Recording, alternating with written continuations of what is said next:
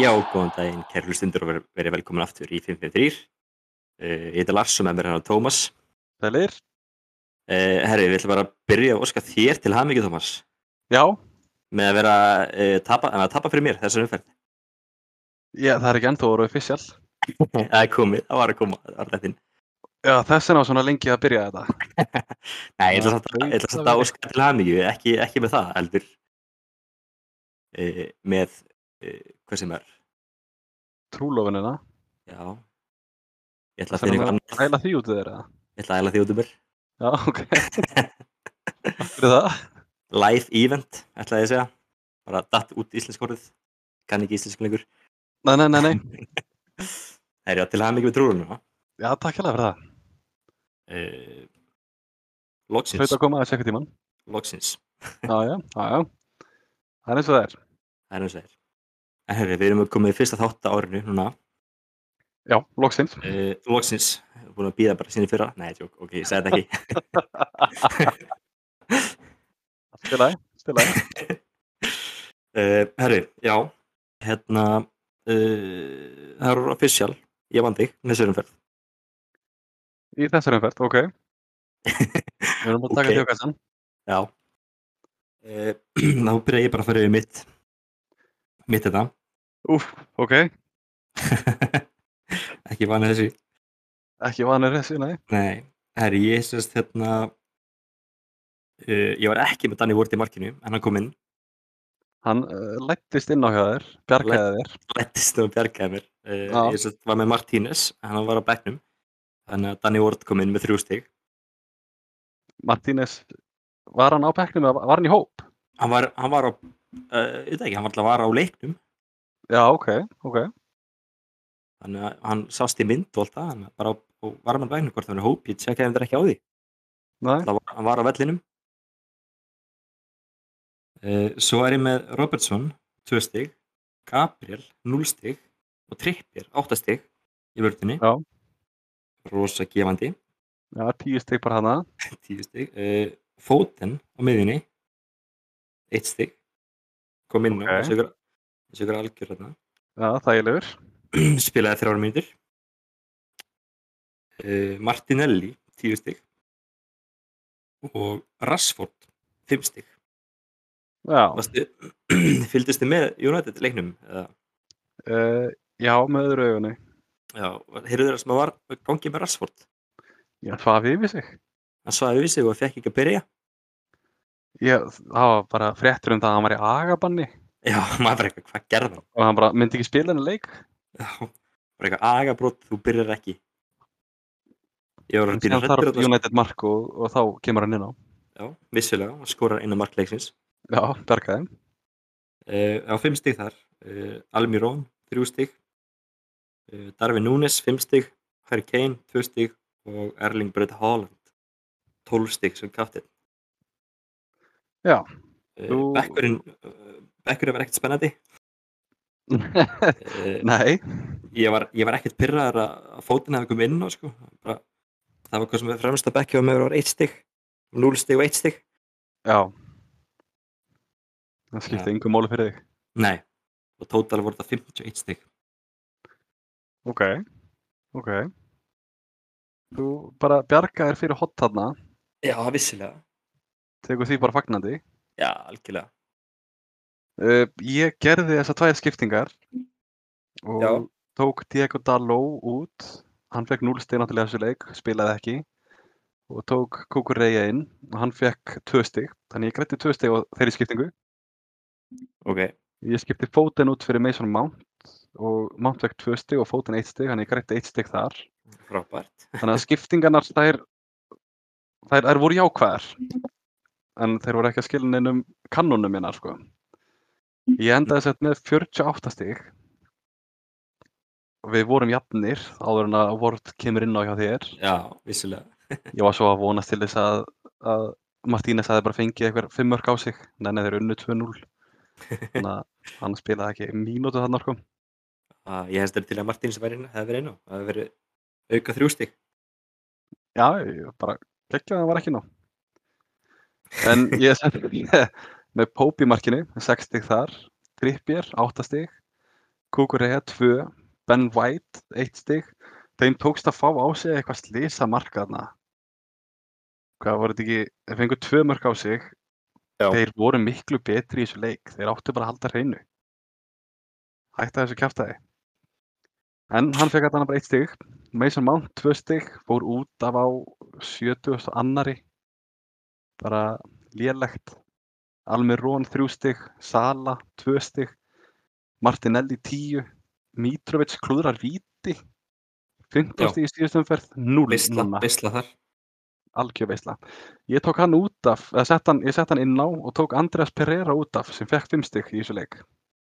Það var mjög gefandi, Þægilegu þar, mjög þægilegu mjög þægileg þar. Uh, Svo náttúrulega Holland, Kafti, 12 stygg og Kane, 2 stygg. Þetta var bara virkilega lélugu leikur á tóttinam. Hóruður á hann? Ég horfði á hann, já Var þetta Ég ekki bara léleg framistæða? Jú, mjög svo Ég held, eiginlega- ég held samt með Asta Villa sko En ég held samt með Kane Já, já, já, maður heldur alltaf með sína mönnum sem er í liðinu, sko. Já, sérstaklega þegar Martínus var ekki að spila Sérstaklega að Martínez var ekki að spila, já. En bekkurinn minn er þess að Danny Ward, þrjú stig. Það er gott að Pope var inn á hjá mér. Pereira, fimm stig. Hann draf þetta fyrir mig hérna, þessar umferð. Og Nico Little Williams og Timothy Castagne báðið með eitt stig. Já. Þannig að það er bara, það var ekkert mikið sem klikkaði hjá mér. Það var bara Andreas Pereira skiptingin, sko. Og þetta er lið sem að fekk sko, 86 stig í síðust umferð. 48 núna. Þetta er bara leikurinn sem við erum að spila. Það er bara því Þetta er bara form á, á milli, milli vikar sko. Já, algjörlega En hérna, Chelsea menn eiga tvöfaldum fyrir núna og City menn síðan tvöfaldum fyrir næstu viku. Það sem mér langar að opna á núna er að Cody Gagpo, nýjasti miðjumæði Liverpool, er komin inn Hann- í leikin. Hann er mættur, kostar Hann er 8 komin inn á 8 miljónir. Já. Ég var næstu búinn að taka trillingsskipti þar áðan. Elja Mason Mount og taka Gagpo inn. En Svo myndi ég hvað ég sagði í síðasta þætti að ég ætla að býða og sjá og ég hef ekki ennþá þess, þetta tímanbili broti regluna mínar. Nei, ok Ég hef, hef sett línuna og ég hef haldið mig á henni. Það hefur skilað mér vel, þú veist, ég er í topp, má ég sjá, ég er í topp 77.000 núna. Ég var í topp 50.000. En 77.000 sæti og er þar út af því ég held mig við regluna mínar og ég ætla að halda því áfram eins og er allavega. Og Ég ætla að býða og sjá með Gagbo ef hann þú veist, mæti bara með læti og byrjar inn á og skora tvö þú veist, auðvitað tekið hann þá inn fyrir, fyrir þá næstu umferð Já, en eins og er þá á mán tvöfaldumferð kúkur eiga tvöfaldumferð auðvitað spila ég þeim Þú veist, mér finnst það nóbreynir auðvitað uh, þótt að sé að móti sitt í og sem fúllam Já. tvöfaldumferð, tvöfaldumferð, það getur allt gert og hérna, Andreas Pereira verður inn á hjá mér og, og Mitrovic verður inn á þeir eru báðið með tvöfaldar líka sko. Já, Þannig að þú ert búinn að skoða Gagpo, búinn að kynna þér hann aðeins. Ertu, ertu búinn að setja hann inn kannski? ég er ekki búin að því, nei Ok. Kýtlaði í puttan að koma honum inn í liðið þitt. Eh, 22, 23 er hann búin að s- spila 14 leiki, skora 9 mörg og 12 assist Já. með average rating 8,44 Ég er ekki Já. búin að gera skiptingu en ég Ok. vissulega ætti að gera skiptingu Ég get Þú alveg átt eitt testa transfer þó eða ekki. Já, tvö Þú átt tvö núna. Já, ég gerði ekkert síðast Ok. Ertu með eitthvað Chelsea mann í liðinu þínu? um, Nei, þú ert ekki með Nei. eitthvað Chelsea mann. Nei, Ok. en ég er með tvo mitta varnamenn hjá mér. En Chelsea voru rosalega lélegir í leiknum áðan fram á við. Þannig að Já. Þeir voru það Og Horfðu- Mount horfðu á þeim út á leikjum með 70 öðru augunni. mínútu. Já, þetta var, þetta var rosalega eitthvað gælt hjá þeim, sko. Það var alveg steingælt. ég hérna ég horf, já, horfði að leikja með öðru augun og, og vonaðist eftir að að það myndi fá mark á sig Takk fyrir það. bara vitum það að þú sem er varnamann og miðjumann hérna í Chelsea Já, já, sem þeir, sem þeir gerðu. Fengu marka á sig. uh, en ég bara, já, það fór alveg fram með mér ég sá ekki markið, tók ég eftir því, svo allt í henni leiti bara eitthvað upp og bara eitt, eitt, bara já, ok, næs nice. Já, tókst ekki eftir því. nei, nefnileg ekki, Nei, ok. Þe, þeir skoru náttúrulega bara 16. mínútur, sko. Og Serge Aurier Ei, ei, jafnar ei, á já, 60. ég meina Nottingham Forest markið, Já, já, já, já, mistur að því alveg. ég mista því sá, sá Störling en, en ekki hitt Nei, þú veist, Mason Mount fer út af fyrir Pierre Emerick Aubameyang þeim vantar hann eitt mark það er skililegt að hann tekur hann út af Já. spurning hvort að Mount hefði fengið að haldast lengur inn á ef að þeir hefði verið í 2-1 stöðu eða 1-0 stöðu mögulega, en þú veist, á móti móti City þeir eru alltaf að lenda undir á móti City eða ekki ég held það sko en eins og við höfum séð, City er ekkert alltaf góður City, nei Ég veist, ég skil ekki hvernig þið gerði skil ekki hvernig þið gerði eitt eitt jafntefli við Evertón það, Það bara- skilur það held ég enginn sko en bara meikir ekki sens Nei, ég held að skilja það bara enginn. En ok. Hvað er þá hugsunin þín núna með tvö transfer og það eru tvö lið sem eiga tvöfalda umferð í næstu umferð og eitt lið sem á tvöfalda umferð umferðin til það. já, Er það ekki bara eitt lið sem á um, tvöfalda umferð umferðin til það? Er það ekki bara City? ég held það, ég er ekki alveg alveg viss Já.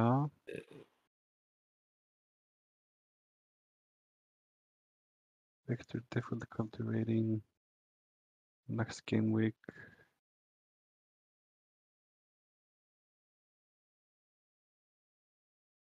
Þetta er eðal content sko. en hérna á meðan við erum að tjekka þessi eh, við áttu báðir fekar lélega game week Tottenham var líka tvöfald umferð en það er á móti Arsenal og City. Þannig að já, við erum ekki að targeta það. nei en Eiginlega svo er bara alls ekki. svo er líka það sko þessi double game week í Chelsea Já. er ekkert spennandi heldur það er búlamleikurinn og svo er þetta úst, tvöföld umferð. Þannig að úst, ef Mount spilar allan leikinn, báða leikina, þá er það samt fjögur stig. já, vissulega Þú veist að ef við gefum okkur að hann fá ekki gult spjald. Já. Og svo er alltaf að hann getur gefið þetta assist, þú veist, hann er hættilegu fram á við. Og fullam á móti Leicester og síðan Chelsea, við, þú veist, við vitum að Chelsea er ekki að standa sig upp að fullri getu. Fullam hafa verið fínir, bara mjög fínir á þessu tímbili. Já. Þannig að þú veist, það getur allt gerst í þessari tvöföldu umferð hjá þessum liðum.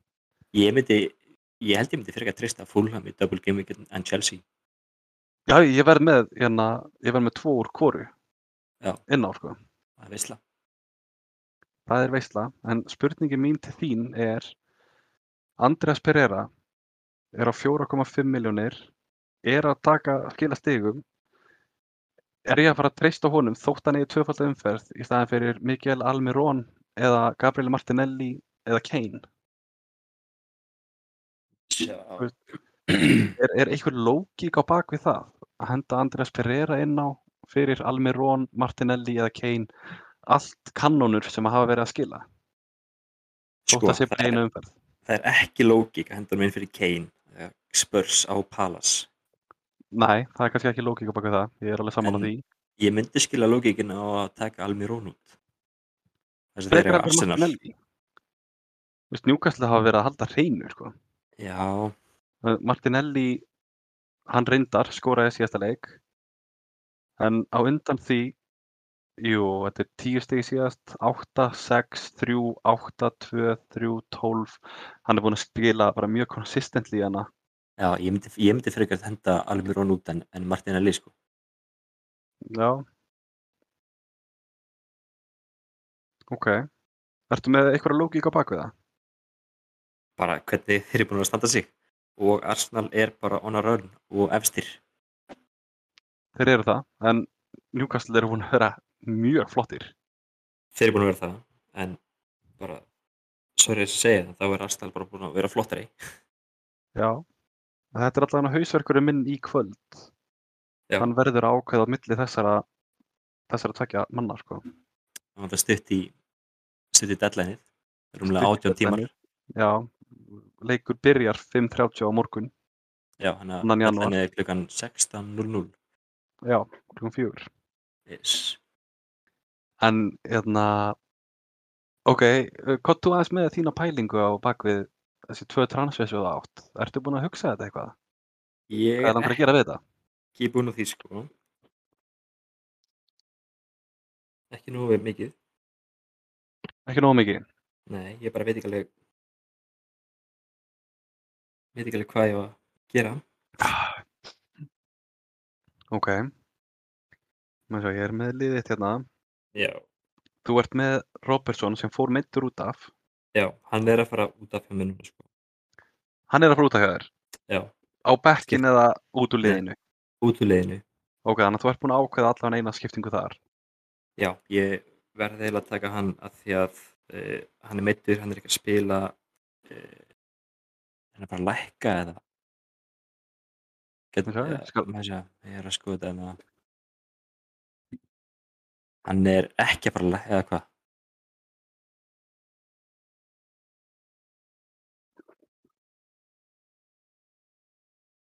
þrjár örvar en ekki komin í target Það eru rosalega margir að fara að lekka núna. Gross er að fara að lekka. Saha er að fara að lekka. Afsakið. Þetta eru svona þeir sem að flestir eru með.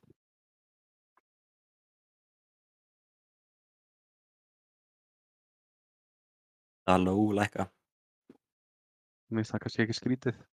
Nei, hann er búin að Já, vera svo lengi. Robertson er bara komin í mínus 26. Hann þarf að komast í Mhm. 100, sko. Þannig að hann er ekki að fara að lekka eins og er allavega. Nei. En Trippier, Odegaard og Shaw er allir að fara að hækka. Shaw á Bournemouth í næsta leik. En við, skilaði vit, nýju stigum síðast sko. já, við vitum hvað United hafa verið brotættir, sko. Vissulega, og Odegaard á Newcastle, Tottenham, United og Everton. Þetta er ekki heillandi prógram. nei, ég mitt hugsaði sko, fyrst var ég bara eitthvað að taka sjóin bara svo bara, nei, ég veist, ég veit það ekki Nei, þessi, þetta er Bournemouth, ok, þetta er einn heillandi leikur. Já. Síðan færðu City og Arsenal beint í grímuna. en hann er, þar á móti er hann á 4,9 Hann er á 4,9. Þú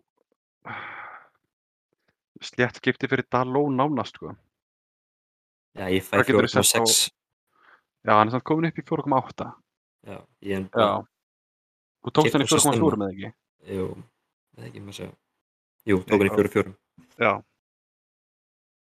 Þú veist, hann, hann er bara meittur, þannig að þetta getur verið pönt í eina umferð. Og hvað áttu þá? Þú, þú áttu eitthvað í bankanum eða ekki? Eh, 0,2 0,2 í bankanum? Já. Ok. Þá getur þú tekið þessa skiptingu og þá ertu að taka eiginlega slétta skiptingu á næsta manni. Ekki rétt. ef ég tek, hvað segir Ef þú tekur sjó fyrir Daló, þá ertu með 0 í bankanum. nei, mínus 0,1 Já, og þá getur þú tekið nánast slétt skipti á næsta manni. Já. Þannig að Almiro, nei, Fóten, líklega, er það ekki Fóten? eða fótinn út, sko Er það ekki hérna usual suspect? Jú. Ok, sko þeir sem eru sko, killer á liðið mitt, á rangi mitt, er Rashford. Samkvæmt hérna Ég er með live hann. FPL. Já, Þú ert ég með man hann nefnilega, já. Já. Uh, síðan er hérna sko Odegaard, Saka, Andreas Pereira, De Bruyne, já, hann fegst hann bara eitt stig. En hvað, Saka er á átta eða ekki? Er það ekki slett skipti á honum og fótinn? hann er 8,1, fótinn 8,2 Já, þá er, þá, þá er það fullkomin skipti. Þá er það 0,0. og hvernig taka Saka samt? það er Newcastle, Tottenham og United Mér finnst meiri líkur að hann skori heldur en Odegaard og eins og að segja þá af hverju myndi ég ekki bara taka Mountain og það ég sé svolítið eftir að þetta ekki mánt þess vegna er ég ekki að mæla með því við þig. nú, Já, eins og ég segi, ég ætlaði bara að skipta honum út áðan fyrir Gagbo. Já, Ég, eða bara ég, taka ég sá Gagbo. eftir þessu skiptum, sko. Þeir eru bara tjærfur að taka gagbú. Þá þarf þetta bara að treysta á að hann byrji og spili eða þú veist, hann kom inn á og skori. Algjörða. Það segja fun Á móti fact. Brentford, Brentford hafa verið helviti fínir, en samt ekki undanfærið kannski. Nei, nei, það segja fun fact um gagbú. Já, hvað um er maður? Það eru 320 manns búin að selja hann. Ha, Já. er þetta nýja hotnið í þættinum? Hversu margir hafa selt Gagbo? en við getum bara að tekið það núna þegar hann er ekki búin að spila. Gæðin er Er- ekki, er ekki búin að spila eitt leik og það er búið að selja hann, sko. Já. Hvað, það að lí- hlýtur bara að vera menn á vælkarti menn á vælkarta núna er það ekki? Já, ég veit ekki. Og hérna, uh, Artur í Liðbúl, sem er búin að vera mittur bara síðan til hvenar. Ég er bara frá því að hann kom Já. Það er nýju búin að kaupa hann.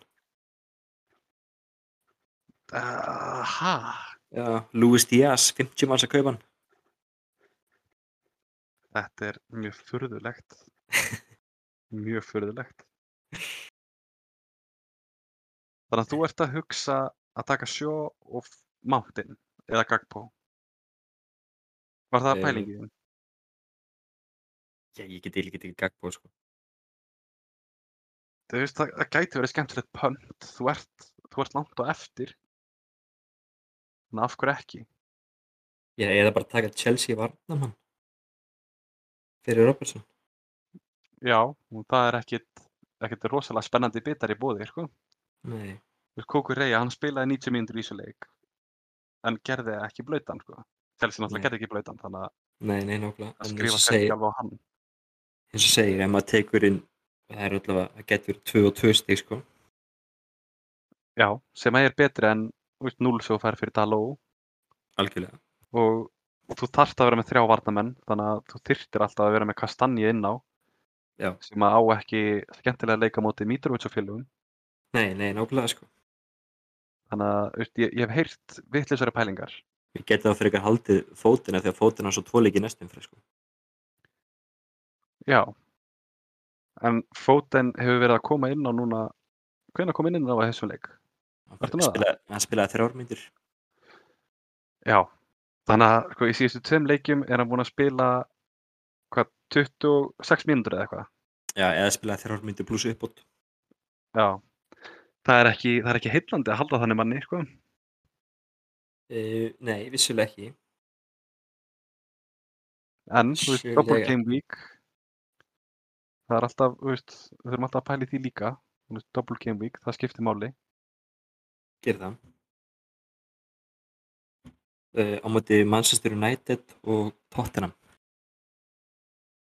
Móti United og Tottenham, já. Það er, sko, United hafa verið blótættir. Er Lisandro Martínez, er hann kominn aftur? Má ég sjá, ég er að fletta henni upp United leiknum á móti Wolves. Þar var þetta, var Rann kominn aftur, Sjó var að spila í miðverði. Hann var ekki að spila á kantinum. Bissaka fekk tækifærið. Ok, það kemur á óvart. Aron Van Bissaka kominn aftur. Fekk 7,6 fyrir hann að leik. Hann greinlega stóð sér ágætlega. Var hann kominn aftur og maður sjá, Martínez, hann var ekki á bekknum. Maguire er á bekknum.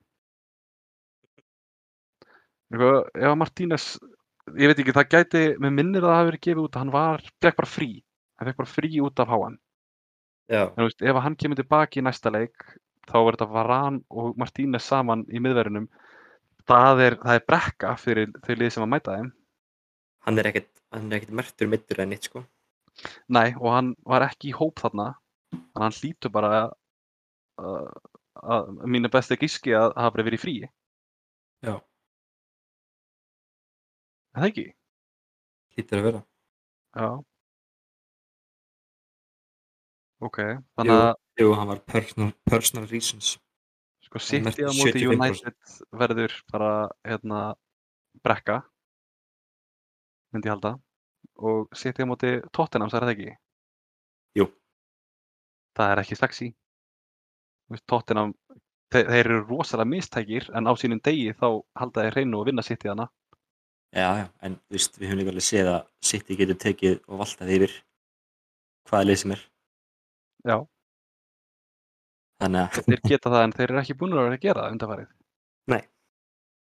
Það er vandamálið sem við höfum sko. Þú veist, eini sitt í maðurinn sem ég treysti fullkomlega til að vera inn á í liðinu mínu alla leiki er Holland.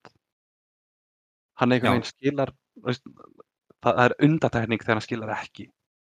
Ég held mann að bara að með blanka núna, 21 mörg, já, hann voru að blanka hérna einu sinni Hérna tvisvar. spilaði hann ekki mínútu, en hann spilaði ekki mínútu, þannig að og það var hérna liðbúleikurinn, já, tvö stygg þar. Þannig er eitt hérna og tvö hérna og svo var hann mittur í einu leik. Þetta eru þrýr leikir þar sem hann hefur ekki skilað þú veist, sínu venjulega framtaki. Já. Þannig að auðvitað myndi maður halda honum inn á alltaf. Það er ekki sama saga með De Bruyne. Nei. Þetta, Ok. ég, hef- ég hef ekkert um hann. Ekki neitt. sko. Nei, þetta er brunið með hérna, hérna er blank, blank, blank. Síðustu þrjú leikir hafa verið fimm stig í heldina. Já. Síðan er blank í 11, blank í 5, 4. Það, þetta eru markvað fleiri leikir. Þetta eru hérna þrýr, fjórir, fimm, sex. Þetta eru sex leikir af átján sem hann hefur blankað. Það er ekki liðlega tölfræði. En þú veist aldrei hvernig þetta kemur. Þú veist, þetta brunið meiðist líka alltaf á tímabili. Já, ég, það, ég sko bara, ég er ekki svona að horfa á hann sko. Ertu ekki að horfa á hann fyrir Sala? Ég er ekki með Sala. Þú ert ekki með Sala. Akkur er ekki með Sala? Ég er með Kane og Holland. Já, ég líka. Og Sala. Svo er ég með, uh, vantlega Robertson dýrvartamæður.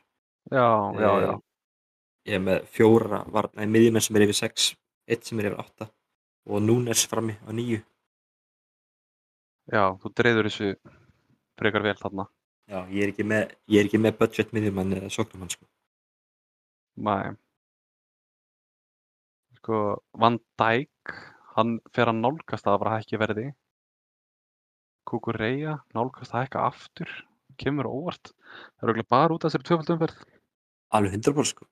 Og Tim Rím hjá Fulham. Hann nálgast að hækka líka. Það er alltaf þeirra tvölda líka. Já. Það er spurning hvort að, Og alltaf þegar hann skoraði eitthvað þarna í síðustu umferð. já er það ekki? Þess vegna er hann röglega svona vinsæll. Já, er það eitthvað sem þú getur hugsað þér? Ég veit ekki.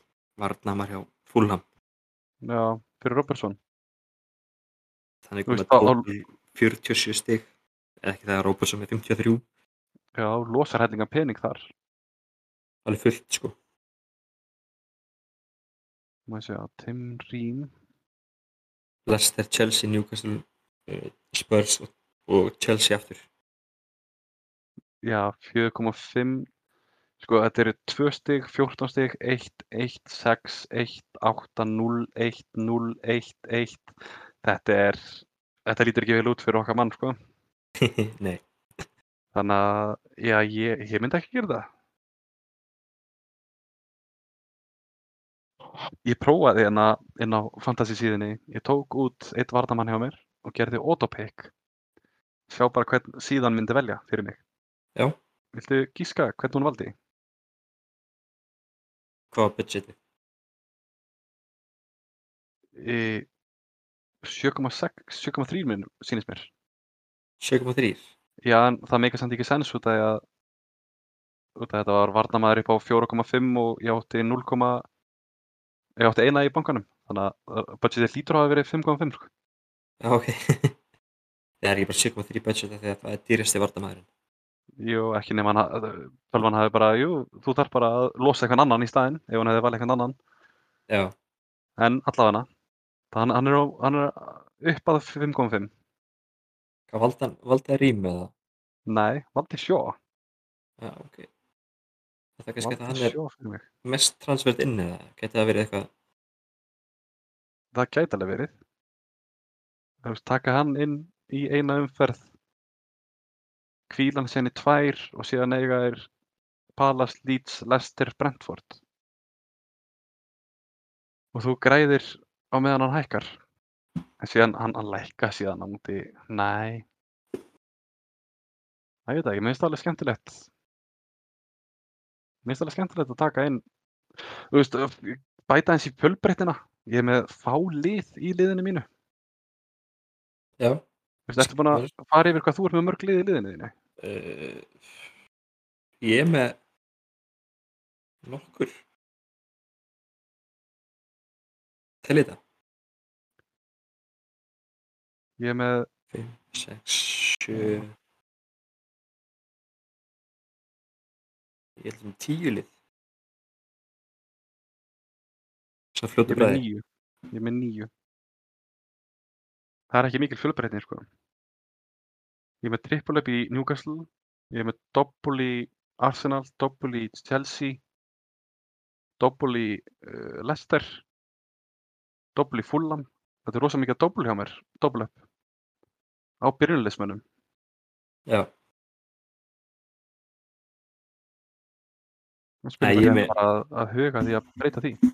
ég er með nýju, ég taldi inn það sem ég var að gera breytingu, ef ég er ekki búin að breyta, það var að prófa að setja inn, Já, já, Já. já.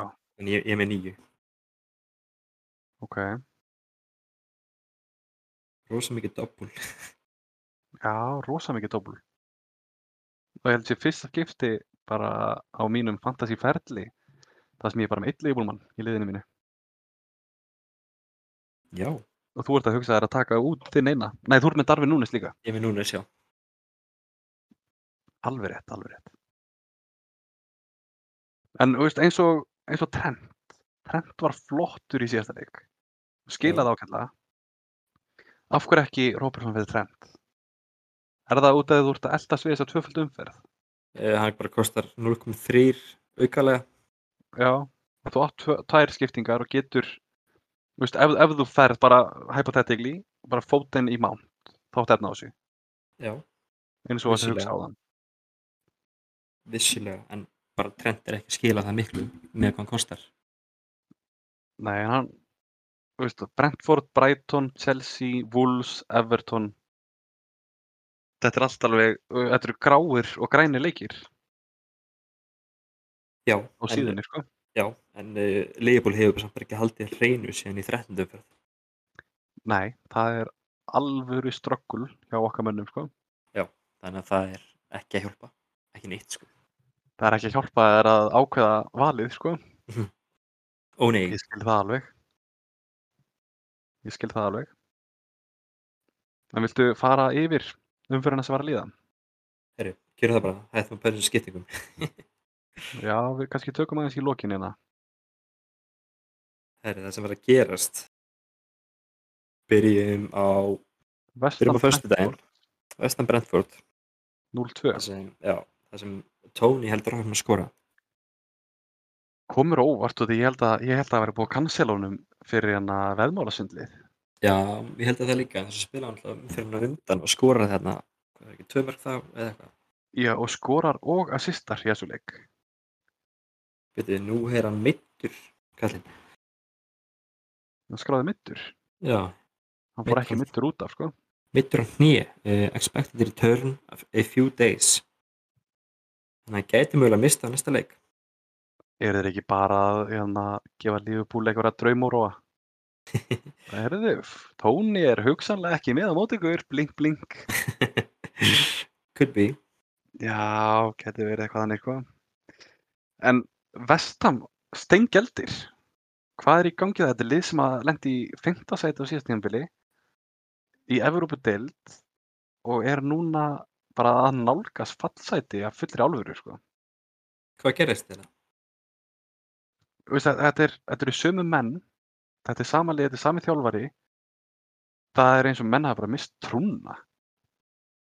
Það, þú veist, þeir fengu Lukas Pakueta inn, þeir fengu Skamakka, þú veist, menn sem að á blaði áttu að bæta liðið. Þú veist, Maxwell Corney fengu hann inn, reyndar mittur núna, en hann er svona wildcard sko. Já. Thomas Sjásek, hann hefur kannski ekki, hann hefur ekki verið að skila þeim mörgum sem hann gerði í fyrra, eða var þið hitti fyrra, sem hann skoraði eins og skætna, Ah, mannstu það? ég man ekki hvort það fyrir reyti fyrra Nei. Þú veist, þessir hérna og Antoni og Ben Rama sem að byrjuðu síðast þegar vilja krafti og svolítið kyrðu þá upp töfluna þeir hafa bara alltaf sést á þessu tímabili. og lítið sem ekki neitt Þannig að, þú veist, er þetta báin líka? Báin ekki, ekki sérst, sko? Þetta er mjög skrítið, út af þetta er sami hópur með sama þjálfara, sömu liðsfélaga, nánast alla, sko? bara mist Og- þetta niður og bara ég veit ekki hvað er í gangi sko. Nei. En, hérna, Ívan Tóni fór mittur út af, ég er að sjá það núna, já ok, hann fór meitur út á, hérna, 90.50 mínútu í uppáttíma. Já. Það var bætt í fjóra mínútum og hann fór út á 90.50. af frábært skemmtilegt sko. En sko, stuðullin á þetta var 48% að Vesta myndi vinna á 38.000 atkvæðum. Ég veit ekki, menn hafa ennþá trú á Vestam, ég er búinn að missa alla trú á Vestamönnum. ég bara get ekkert Nei, og þá getur þið sína mér eitthvað annað, þá er Vestamæður ekki á leiðinni inn í liðið mitt. Þú veist, þeir eru markatölu frá fallseti markatölu og fallseti Þú veist, við getum alltaf kíkt á eins og tölfræðina Þú veist, vestan var 63% með boltan þeir voru með 1,3 í XG Þú veist, þeir áttu að skora markana 20 skot þeir eru með tvöfall fleiri sendingar Þú veist, öll tölfræði segir að vestan hafi verið yfir í þessu leik en þeim tekst ekki að tróða töðurinn inn á heimavelli Þú veist, eh, þú getur skrifað helling á óhefni og allt það en á einhverju tíðumbúndi hlýtur þetta að vera bara virkilegt vesen sem þarf rótaka breytingar í það er að gera eitthvað sko, þú veist, þeir eru með 12 skot inn í teik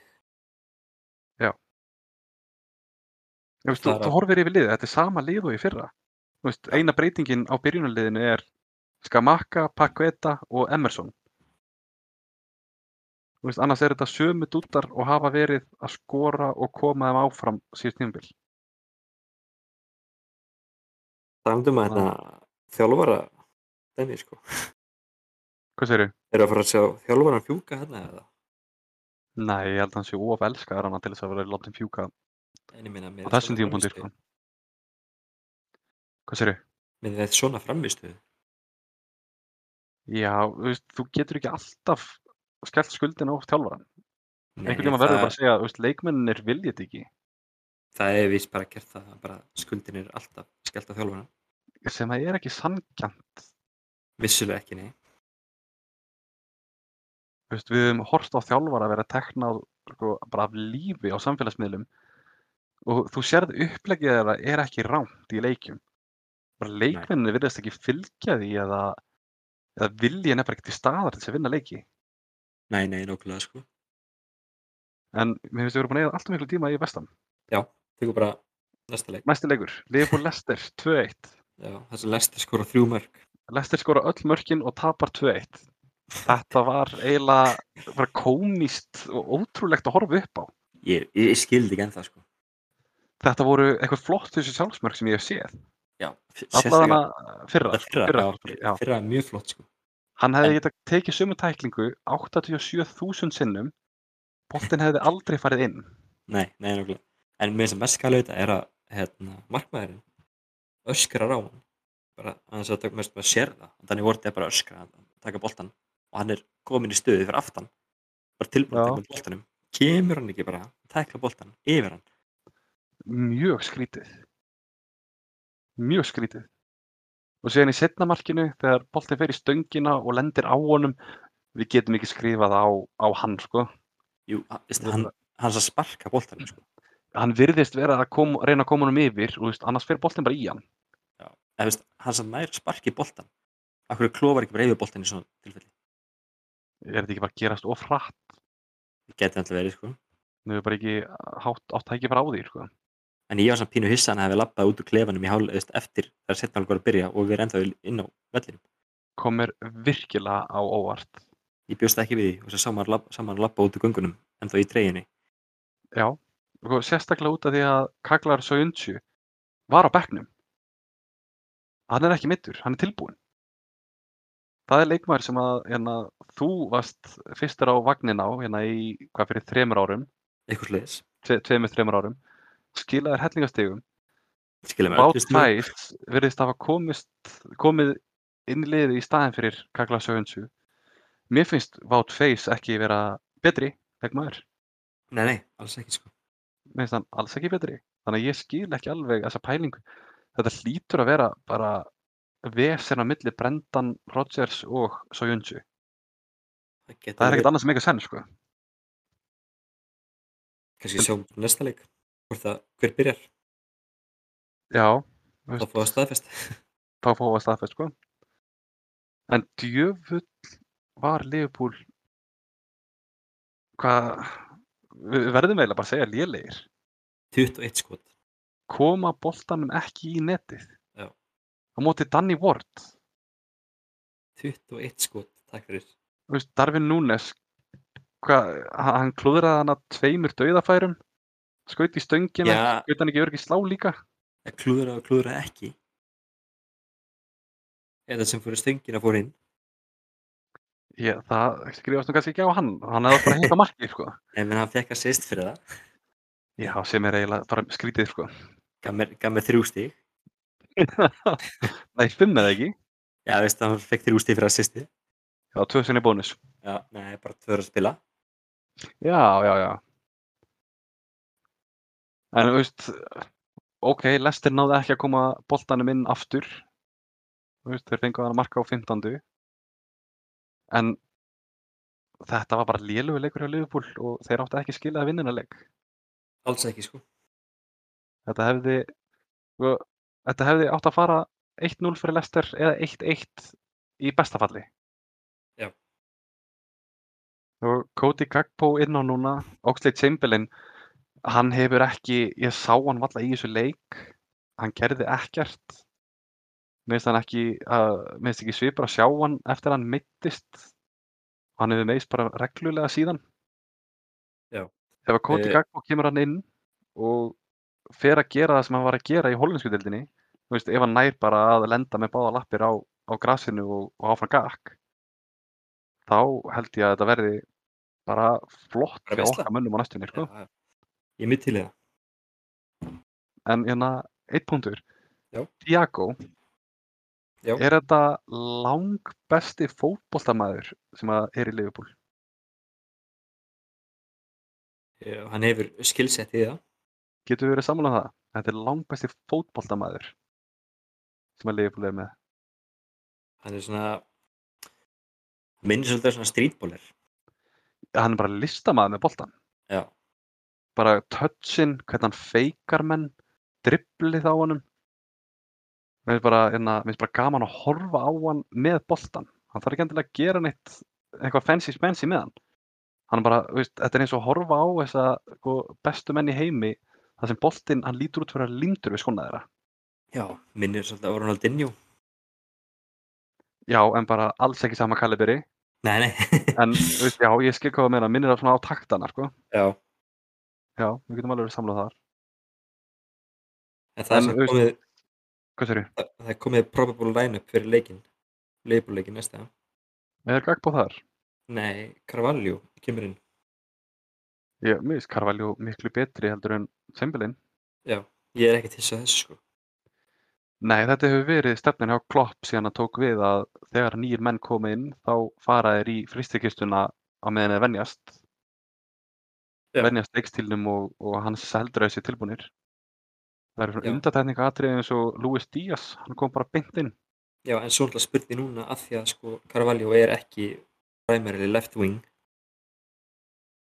Eh, Uh, Nei. Gagpo er það. Gagbo er það. Ég, ég vona að Gagbo byrja henni leik. Þannig að, og líka bara að því að það vantar. Þannig sé í liðið. Og Carvalho er náttúrulega ekkert eitthvað er títt starter. Nei, ekki garantít sko. Þannig að það Það er, Probable það er- line-up, það, það stennst ekki alltaf, nei, nei, en alls það er, ekki. sko. það er gott svona baseline. Þú Uh, veist, og ég held að það sé alveg rétt að, að Gagbo byrja ekki hérna að komi inn á á svona 70, veistu. já, Það er það það er sem ég myndi halda. náttúrulega líkunar vinna samt del- svolítið með honum að koma að byrja sko. þær gera það en bara, þú veist, með við hvernig þetta hefur verið síðustu ár þá eru líkuna samt að hann byrja ekki Já, já, algjörlega sko. ok, viltu taka næsta leik? Þeirra næsti leikur er Wolves United. Eða Wolves Manchester United. Nú leitt, 0-1 eh, eins og við tölum á hann. Rassford byrjaði ekki. Þannig að sá það í hálfleik og hann vantaði Rassford þannig að hann setti hann inn á. já, Uh, Rassford skorar uh, Rassford skorar aftur en það er tekið af mhm uh, United vinnur 1-0 United vinnur 1-0 hann var sko með 0,14 XG í markjunni sínu United var með 1,97 XG þeir þú veist, áttu að vinna þetta 2-0 þannig tölfræðinni og hefður að glunni þetta sástu þetta atriði Þú veist, af hverju markið var dæmt af Já, hann fór í hendin á hann eh, hendin á Rashford Já, þú veist að hann ég veit, man ekki alveg hvað það svo sk- skýtur eða eitthvað hann það er boltan í sig og lendir fyrir hans í hendin á hann og, hérna, og fer þaðan beintin í markið já, en þú veist, Ha? það er, e, þú veist, það er ekkert eitthvað hendir úti þannig sko, þetta er bara eitthvað hendin við líka af hverju er hann þá að taka þetta af Þetta er bara eitthvað hérna með hendi bara bolti í hendi alltaf hend á það Nei, bara bolti í hendi uh, mark mátt ekki snerta með hendinni og skora eða eitthvað svona já, það var eitthvað hérna útskýrtina fyrir að eitthvað, það er ekki hvernig það var Við hefum þess að tala um þetta áður Já, við höfum gert það sko. Eh, Það er kannski ekkit sérstakt til þess að taka úr þessu leik fyrir utan að Antoni spilaði nánast allan leikinn fór út af á þriði mínúti upptátíma Fernandes Kosta. maður sýst Kosta fekk ekki guld Kosta fekk ekki kvöld en fór út af í hálfleik eða Já. einni mínúti eftir hálfleik uh, Það voru þrýr leikminn með þrjú bónustig Ok, hvernig virkar það? bara allir með jæft í stegjöfunni allir efstir Það fekkur allir, Hverju fengu bónus? þetta er bara vörðinu United Sjó, Varan og De Gea ekki, nei, ekki var hann þetta er Malaysia, Shaw og Van Bissaka Ekki Varan? Já. Ok. Leðilt fyrir okkar mann. Æj, æj, Ég hef ekki meira en þennan leik að segja. nei ekki Það er heldur. kannski bara næsti leikur, Bormað, Crystal Palace, 0-2. Þetta var leikurinn, leikurinn sem að við vorum spenntir yfir. Þetta er leikur sem voru spenntir yfir út af því að Palace fekk tvö rauðspjöld umfram undan. Og ég, ég spáði 2-2 eða, eða, eða játtöfli, var það ekki? Ég held Ég- að Bormað myndi skora. Ég held Þetta að þetta skora líka sko. það kom mér allan á óvart hvað þeir eru með Kífur Mór inn á Solanke Billing inn á Billing reyndar fór út á 38. líklega mittur uh, já, fór út á mittur Bormáttið Eh, er bara það er ekki að standast neina væntingar Nei, ég er ekki bara að maður að hafði hissa, eitthvað sérstakar væntingar sko. ég er að hissa bara að Jordan Ayew hafi skorað. já, once in a blue moon Já, fyrsta markið hans. Já. Þetta var samt leikmaður fyrir tveim tíumbilum að sem maður var með hann í liðinu hellingi. Já, það var ekki ódýr. Hann var ódýr og hann var að skila. Já. Nú ger hann ekkert. Nú gera hann ekkert.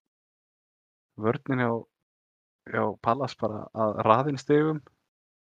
ESE með mark, IO með mark og tvö bónus. Og, og Lýse með tvö assist, nýju steg og þrjú bónus. Yes. Ertu með að klárt hann að hjá þér hvað hann kostar? Það er hann að finna út úr í hana. Ég er ekki með það klárt. Já, og Lee sem, hann er á 5,4 og þeir eiga Tottenham, Chelsea, Newcastle, United í næstu fjórum Ok Það er, það er ekki það er ekki heillandi Nei, hann er líka bara, hann heillar ekki heild sko. Nei, nei, en með þetta prógram þá heitar hann ennþá minna Já.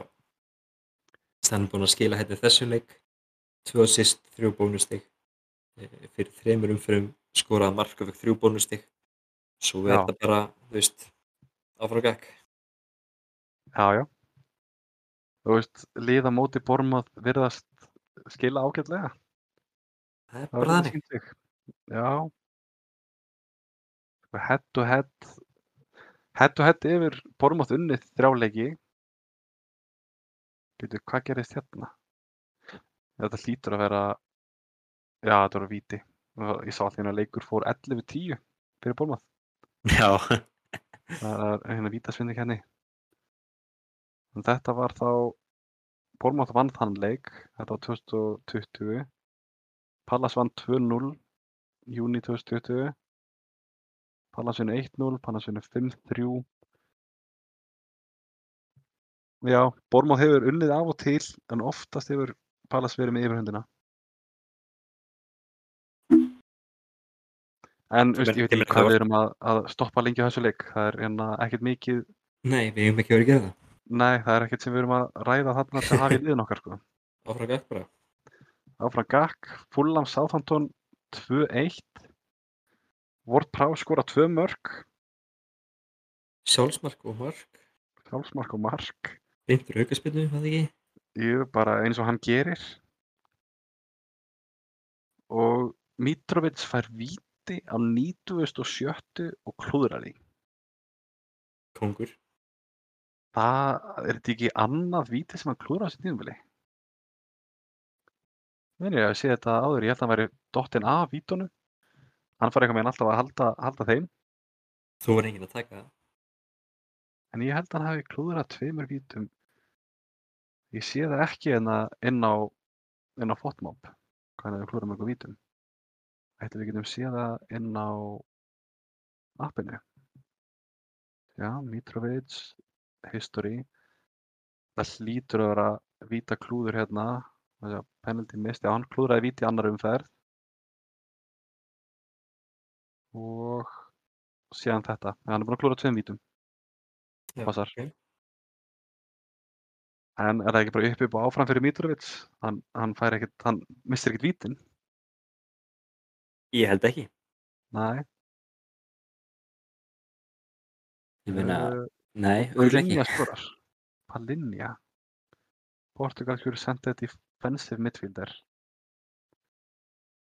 Ég ég er ekki að pæla í honum og ég myndi ekki mæla með honum. ég hef ekki hert um hann Þannig að Hann er með, hann er með þrjú mörk í 16 leikjum. það er meiri margir aðrir, en en ég er ekki Það er bátt meira hérna en margir aðrir sko, en en hann er ekki búinn að skora í langan tíma núna. Hann hefur skorað bara þegar hann kom. Þú Veist, að- ég er að, 9. oktober, þá var hann ekki ennþá, hann er ekki búinn að skora síðan allavega þá. Þannig að við Það er erum ekki að svolítið- hugsa um hann, það er svolítið síðan það er svolítið síðan. En Pereira, Mitrovic, þetta eru þeir tveir sem ég er með og þetta eru þeir tveir sem að ég, ég myndi ekki taka fleiri, ég myndi ekki taka aðra. nei, spurning hvort að og uh, sko Southampton þú veist, ef þið virkilega langar einhvern Southampton þá er það Ward Prowse, hann skoraði fyrir bæði lið þannig að þú veist, það er alltaf Skoraði mörg í honum Æ, það er bara eftir hvort að þú fáið pluss eða mínusteg sko. þannig að þú veist, það er ekkert spennandi við þetta Southampton lið Nei. hann átti að, að hoppa úr þessari skútu fyrir mörgum árum sko. en áfram gakk næsti leikur, yes, sir. kóttu með okkur næsta leik, Herri, City Everton City Everton 1-1 kom á óvart, kom virkilega á óvart og þeir Vissulega. segja að hérna markið á Demari Grey hafi verið bara skrýmer Herri, Varstu ég búinn að sjá sá það? það ekki sástu Ég það var að- ekki, Nei, ég var að horfa á endursynningu á leiknum þetta áðan er þið já, já, þetta er alvöru mark þetta er, ég hef síðan skorað nokkur svona hann er bara við end, hérna hotnið á, á tegnum og neglur hann upp í samskiptin þetta er, þetta er bara flott mark, þetta er flottu leikmaður hann er bara Já, hjá þetta er- liðu liði Þetta er flott mark Já, þú veist, flottir leikmaður, lirill lið. Og þau- Everton náði náttúrulega að tefja eins og þeir gera manna best og það voru 11 mínútur upp á tíma. Shit. Og Erum við- Everton, þeir gerðu sitt allra besta til þess að trefa leikin. Erum við að sjá hérna eh, HM uppbútuna koma núna inn í ennska Ég vona ekki. að þú segir Þetta er þarna voru, alveg- þarna voru 11 myndur uh, Já, það voru, hvað er ekki, 7 myndur í Chelsea Nei, jú, alveg byrju, fullt mikið. nei, sko. 3 myndur, það var í Aston Villa Það voru 7 myndur í Tottenham Villa Já, þannig að þetta er að hafa einhver áhrif Þú veist, við hefum ekki verið að sjá svona nema að sé eitthvað actually að gerast ég vona að við höldum þess ekki áfram, sko. Af hverju? 90, út af því að menn eru búnir upp úr 90 Já. mínútum. ég meina menn eigi ekkert að vera að tefja Nei, ég er alveg sammála því. Þú Veist, ef þetta er töf, ef þetta er bara einhver leiktöf, ef þetta er bara já, hef- hendum hérna í 8 mínútur upp á tíma. Af hverju ekki? Ja, nei, nei, það, það, veist, það er ekki þannig, þetta er actually leif- leiktöf bara þegar menn eru lengi að taka innkast og eru tilbúin að taka innkast og bara, heyrðu, nei, ég ætla ekki að taka það, þú ætlar að taka það Og eitthvað Já, svona, það er ógeðslega pyrrandi og ég vil að menn fá bara spjald fyrir það. það, það gerir þetta oft Já, en ekki nóg oft. nei, vissulega, en þarna Og Þegar Þarna Jordan er Little þeirra- Pickford fær að taka boltan, leggjast á hann, komið með skítaglott og halda á Já. boltanum sinni 30 sekundur yfirbútt án þess að dómarinn flauta á hann. já, en þarna, þarna bætast þið 30 sekundur í upptíma Þá veit ég að fá 30 sekundur upp á tíma og kvöldspjald. Já, Ég verð til ekki sáttu fyrir. til eða á Pickford Já, bara Pickford. Mhm, En þú veist, eins og ég rætti á þann, þá er Holland eini sem að mér langar að hafa í liðinu mínu og ég treysti til þess að hafa í liðinu mínu. Já. Hann skorar, allir hinnir gera ekkert, nema Maris, þú veist, hann assistar. En við getum ekki treyst á að Maris byrja þetta leiki, nei, vissulega ekki þannig að alls ekki. Þú veist, hann er með 11 leiki núna, eitt mark og eitt assist. Þannig að þú veist, við erum ekki að hugsa um hann í liðið okkar ekki neitt, sko og við erum ekki að fara að mæla með neinum í Evertón. ha, okkur ekki, Hverju myndur að mæla með nei, Evertón? ég er, ég er að tjúka það er engin að Ég held að vera orðin blekaðar, sko. það hvað, hvað, en það verður samt gaman að sjá hvernig, hvernig Karl Flúin fer áfram núna Já, það er þetta að hafa hann að votslist þeirra menn en ekki taka hann inn hann fer út á 70 stuði og við- hann er ekki gert neitt. það er líka bara búin að vera frá Já, sjö leikir, eitt mark. Það var á móti Krista Pallas í 3-0 sigri. Ég er ekki samverður. nei, Herri, Newcastle Leeds kom kannski á óvart að sá leikur fór 0-0. já, Þú hefur ekki gískað á það fyrir umferðina og þú gerðir ekki, þú gískar ekki á það. nei, var þetta ekki leikur sem ég vildi ekki sko eða Var hvað, það? Var það þessi leikur? að ég veist ég maður það ekki Nei, ekki að það skipti öllu máli. en, en helst að hérna eins og leik er að uh, Rodvík og Samuvel skoruðu ekki Já, Semmerville kom reyndar inn á bara 70 stuði. já, en hann hefði stil ekki að skorað Já, hann er með fjögur mörk í 11 leikjum. já, Já. já, Hann er með tvær sendingar í þessu leik. hvað var hann að gera Hann snerti boltan fimm sinnum.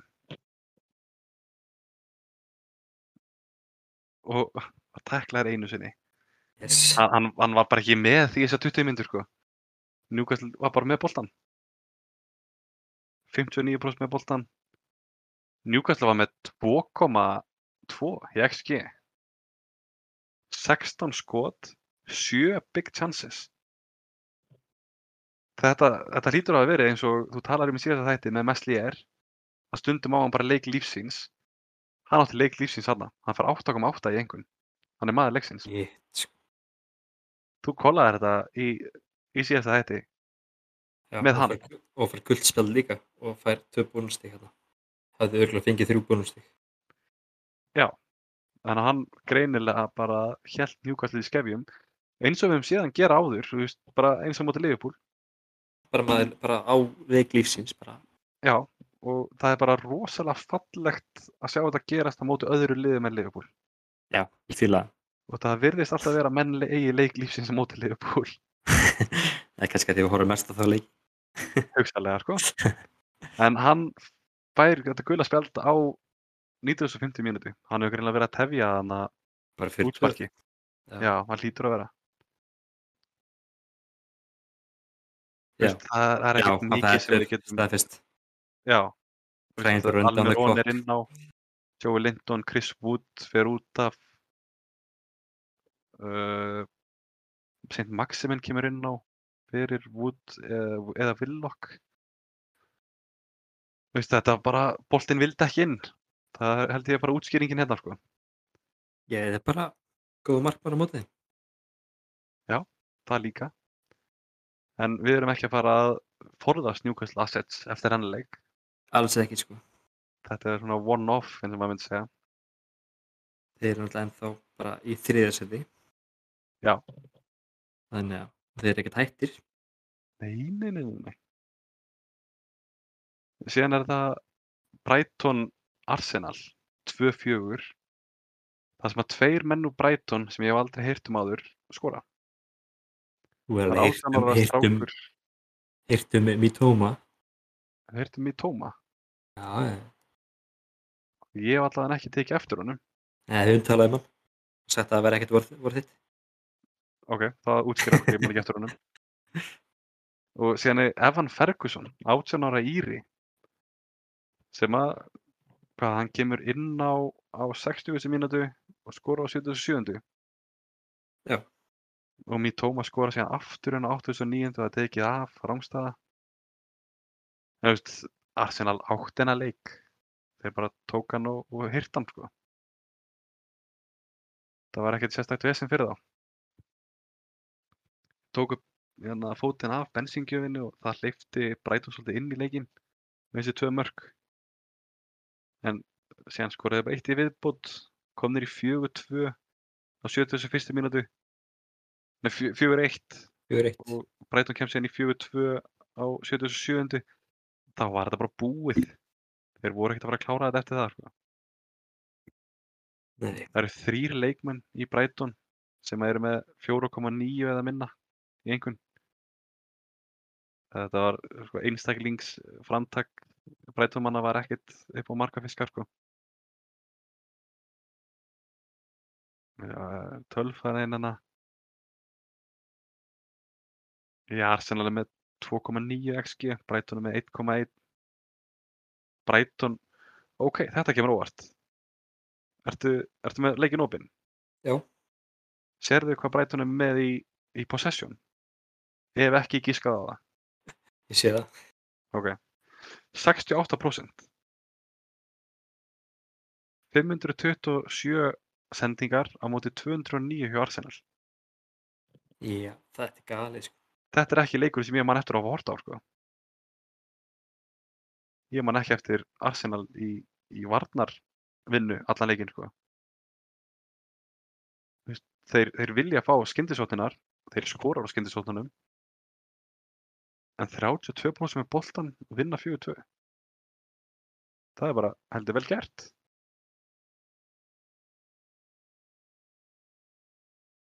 Það er ekki Ég er bara, ég er hann að skilja hérna hvernig hvernig Gross fekk frekar bónustig en Martinelli. Mm, Ég skilja, ég skilja ekki ennþá. nei, bara assistið. Já, en Martinelli var með assist og mark. Já, en Martinelli það voru tveir aðrir sem að skoruðu. Ég meina, þú veist, bónustíðin fóru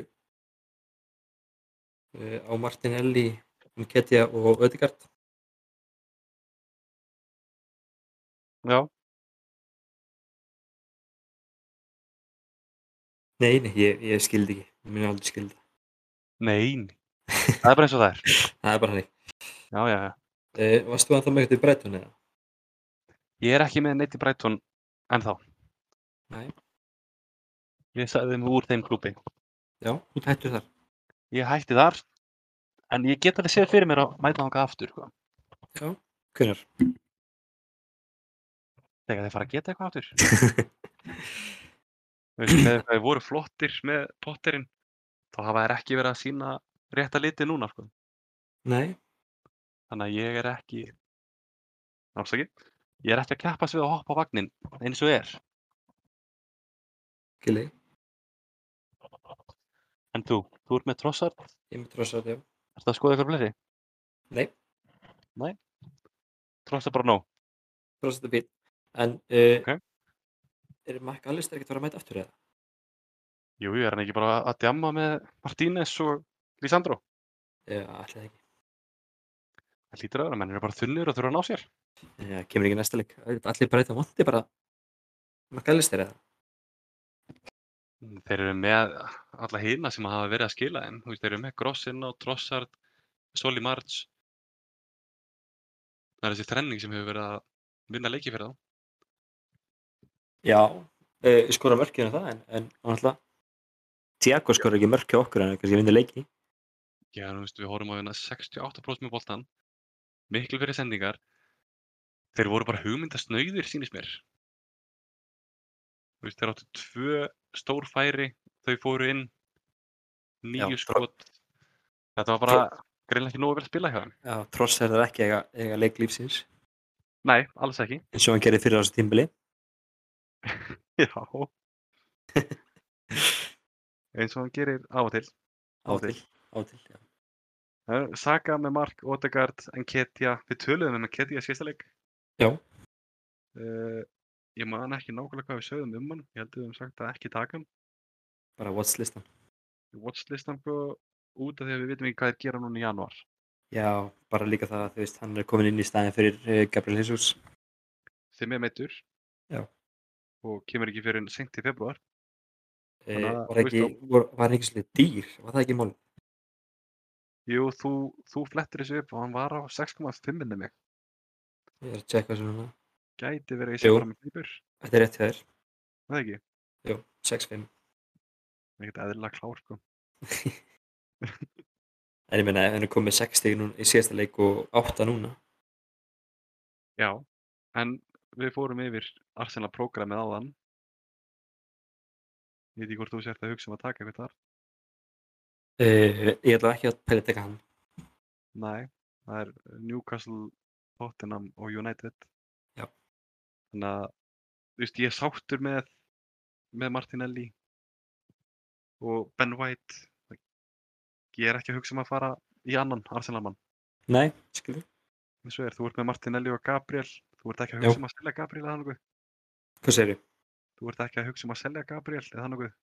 Nei, ég veit ekki fyrir hvert sko. Líka því ég er með tvo midda sem ég þarf að skipta út. Já, Frekar.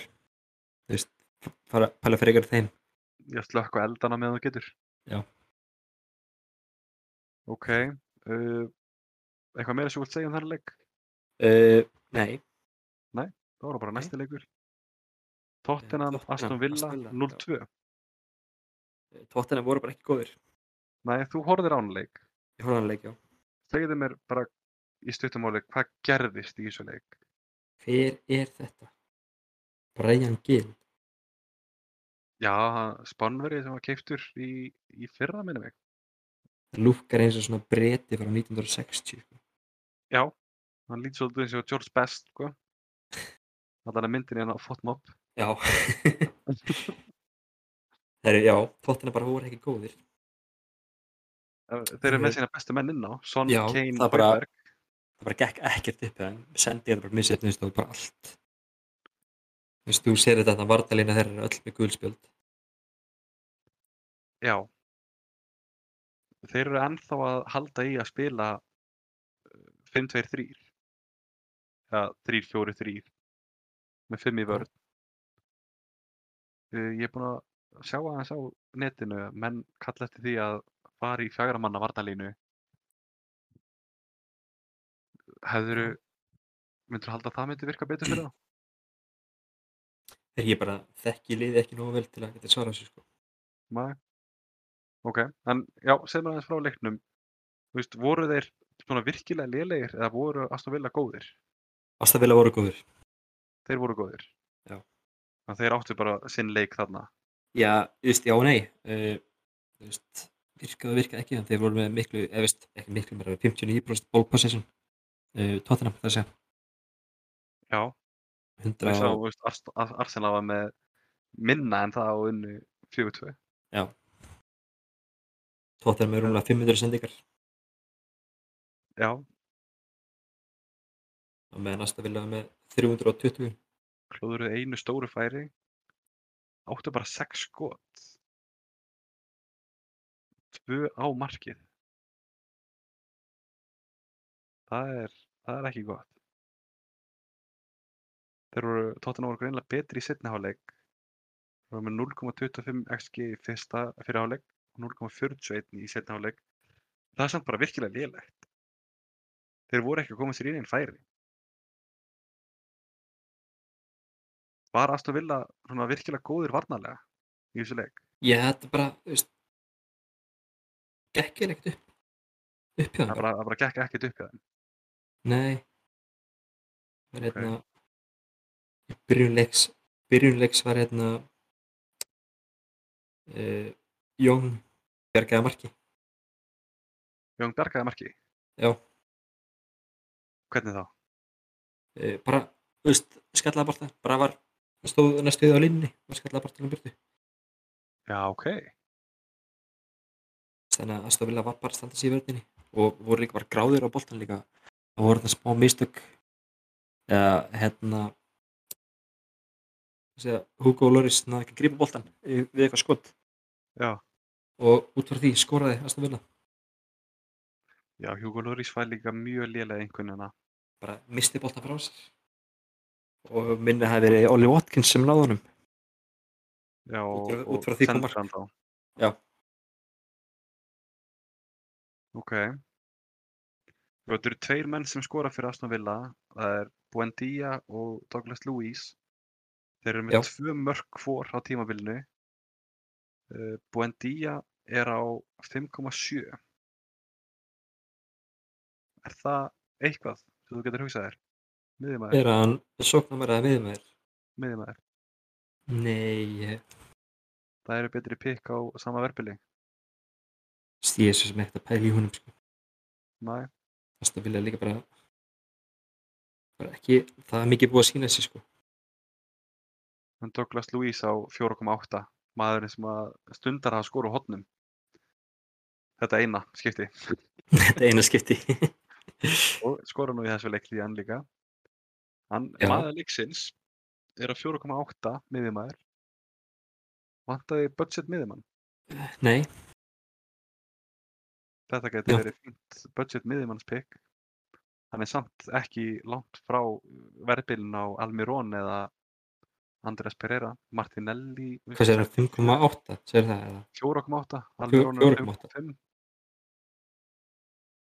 Já. Nei, það er nú Allt hægt er- 5,9 Já. Hún komin í, Það Nei, nei, ég- er með hann á 5,5 hjá mér. ég er ekkert að leita eftir honu sko. Nei. það er einhvern veginn, ég veit ekki, það er ekkert rosa mikið þú veist, það er náttúrulega bara saláti brun sem eru premjör miðmenn sko. sem eru að skila Þegar ég var, þú veist, segja, þú veist, ef að hlustendum vantar budget miðjumann Já. og, þú veist, væri við ekki alltaf að mæla með Almirón frekar eða hugsalega Andrés Pereira Hann hefur Pereira verið- held ég sko. en Aston Villa var þetta heldur gott prógram Aston Villa heldur gott prógram Pereira á tvöfaldum ferð Þetta er Já. auðvitað besta tímabilið hans hinga til í Fantasí Hann á eitt gott tímabilina 1920 þar sem hann fær 60 stig í Fantasí Hann Hver- hlýtur að vera komin yfir það, hann er komin 69 núna Pereira, Pereira, já, hann átti hann að færa að spila, hann fekk ekki að spila fyrir United nei, hann er ennþá bara í hverju fjórðu eða hverja Hann er 4,6 núna, Já, bara taka Búin að Pereira hækka frekar markmenn. sko, já er það ekki? miklu frekar sko. miklu frekar, já ok, og þá var það síðasti leikur tímabilisinn sem var að klárast það er síðasti leikur umferðarinnar Tímabilsins, já, rólu, rólu, rómur sem var að klárast núna áðan við erum búin að, svo sem tala um hennar leik ég hef Já. ekki mikið meira að segja um hann bara út Nottingham Forest 1, Chelsea 1 Sterling skorur á 16. og Serge Aurier átkastinn Þetta er gæðin sem að fekk bara gul og rauð spjöld í öllum leikjum hjá Tottenham. Já. Er allt í hennu mættið til Nottingham Forest núna, skorar, assistar að Willi Bóli sem að kom frá Wolves sem er maður leiksins reyndar. Maður leiksins, já. Chelsea bara í vesenni, við getum sagt það. Það var bara þannig. Það var þannig. Ég er nýbúin að taka inn Kukureya og, og Mason Mount og þú að hugsa um að taka inn Mount. Ég veit Já. ekki, það lítur að vera eitthvað að okkur, sko. Ah, samt ekki, þetta er bara double gaming sem er að draga okkur inn, sko. Já, já, svo sem, svo sem. Þú, þú ert ennþá með þessar tvær skiptingar, ertu búin að gera skiptingarnar á meðan þáttinu búin Nei, ég er ekki búin að því. Ertu ekki búin að því? Ekki búin að því, nei. Ertu búin að negla eitthvað niður? Hvað ætla ég að gera? Ah, Já. Já. Nei. Við förum að nálga svona endan á þættinum núna og þú, ef þú ert með hérna einhverja skiptingar fyrir hlustendur, þá er að henda þeim út núna. Það er náttúrulega, það er fyrirstund að taka inn, sko, taka inn uh, Fulham eða Chelsea. Það er Vardamann, sko. Eh, Varnamann? Já, Akkur, ég, að ég er að skipta út vartamennum, ég er með tvo að mitta. Þú ætlar ekki að skipta um báðum, þú ætlar að skipta út fótinn eða ekki? Það ætlar að halda honum fyrir dobbulunum hjá þeim? Ég halda fótum bara. Halda fótinn bara, ok. Og hvað, þú ætlar þá að skipta út Robertson og Daló? Já. Ok. Og þú hlýtur að vera að koma með svona shortlist, einhverja þrjá leikmenn sem þið langar í. Já, ég segi það, það er mjög fyrirstund að taka inn uh, Chelsea eða Fulham. Chelsea eða Fulham, já. Það er líka mjög fyrirstund að taka inn Shaw á myndi Bormóð. Það er mjög freistandi, já. Við viljum alveg samla það. Uh, ef við tökum hérna þeirri sem fengur mestu stíðin í síðustu umferð, þar er Orier stigahæstur. Þið langar ekki vartamann frá Nottingham Forest, þannig að við sleppum því. Uh, hvað er að flokka eftir hérna? Það er að flokka eftir Transfers inn. Það eru Trippier, Saliba. Ha? Rhys James er í þriða seti í top transfert inn. Ertu viss eða? Þú ert að sko eitthvað vittlust. Ég hlýt að vera að skoða eitthvað vitlaust. Af því að það eru sko 572 um takan inn. Það er ekki alveg rétt hjá þér. Ég, ég er með valið hérna. Defender, Dort by, Transfers in. Trippier, Saliba, James, Cancelo. Þetta hlýtur Eh, að vera ertu með- gamlar. Ertu með Game Week transferinn eða bara transferinn? Transfer in. Bara Já. Overall eða? Já, það hlýtur að vera overall. Getur, getur maður valið bara Game Week transferinn? Uh, nei. Hvað Eh, segir Ég skal bara hérna? segja þetta, mest transferinn er Luke Shaw. Svo kemur Já, Kukur Jim Hella, Kukureya og Trent. Alexander Arnold og Sjár. Já, Svo kemur Rím. Ég er að skoða hérna síðan. svo kemur Rím hjá Fulham og Thiago Silva. í Chelsea. Og sko, Clean Sheet, það er náttúrulega bara Newcastle og Arsenal í sérflokki. Uh, svo sem spilar flestar mínútur, Tarkovski hjá Everton og Kilman hjá Wolves. Og síðan Tim Rím. Hann er búin að missa af þremur mínútum. Já, Já. En Tóta við erum ekki að leita sér þetta Tarkovs. þessu til þess að fá nei, Hvað sé ég að- hérna, Game Transferin Round, já, hérna er þetta rétt. Ok, og þið vantar tvo varnamenn.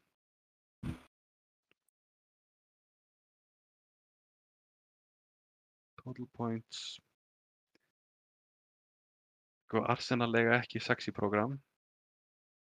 Voru við ekki að tala um það áðan? Newcastle Tottenham United, já. Cancelo, þú getur tekið hann inn fyrir Robertson, svipu verði. ég meina hérna Cancelo sem spilar ekki. Tala um hann, Hann spilaði ekki síðasta leik. Nei. Síðan 22 myndir undan því. Nú, ok.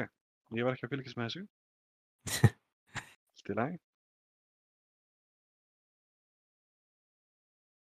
Já, sko, það er ekki, það er ekki mikið til þess að velja úr hérna. tekið Ef ég bara ég- Rím inn eða? Ef ég ætti að taka þessar tvær skiptingar sem þú ert að taka, Já. þá held held ég að ég myndi taka inn Luke Shaw og ég myndi taka inn Arnold. Já, en ef þú getur það ekki að þú hatt ekki pening fyrir því,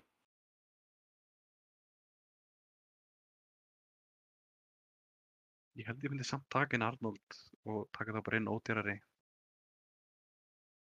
Þú veist, ertu, ertu með þrjá spilandi varnamenn núna?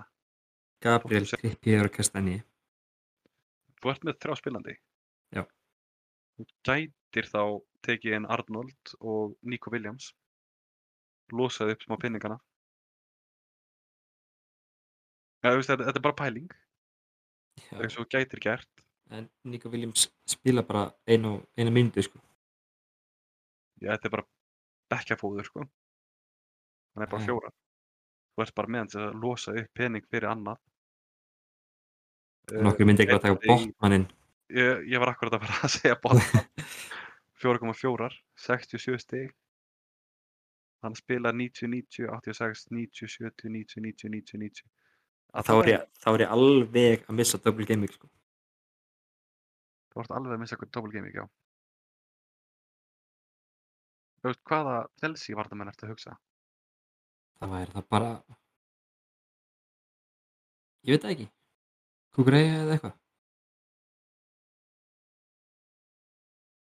Já. Kukureyja eða eitthvað. bara útgjörastur Sko, Vesti Fofana er meittur, Saloba er ekki að spila síðan tvoleiki, að spila Kueta, 90, Hann væri- 30, 40. hann væri pæling sko að hann kom inn í stað fyrir James Já, en þú sér bara hérna, mínútunar hjá honum. Það gæti verið að hann spila alla leiki núna út af James, sko. Koulibaly er með 90, 90, 90. Hann er verið að spila alla leiki, hann er á 5,5. Kukureya á 5,2 og spilar á, á kantinum.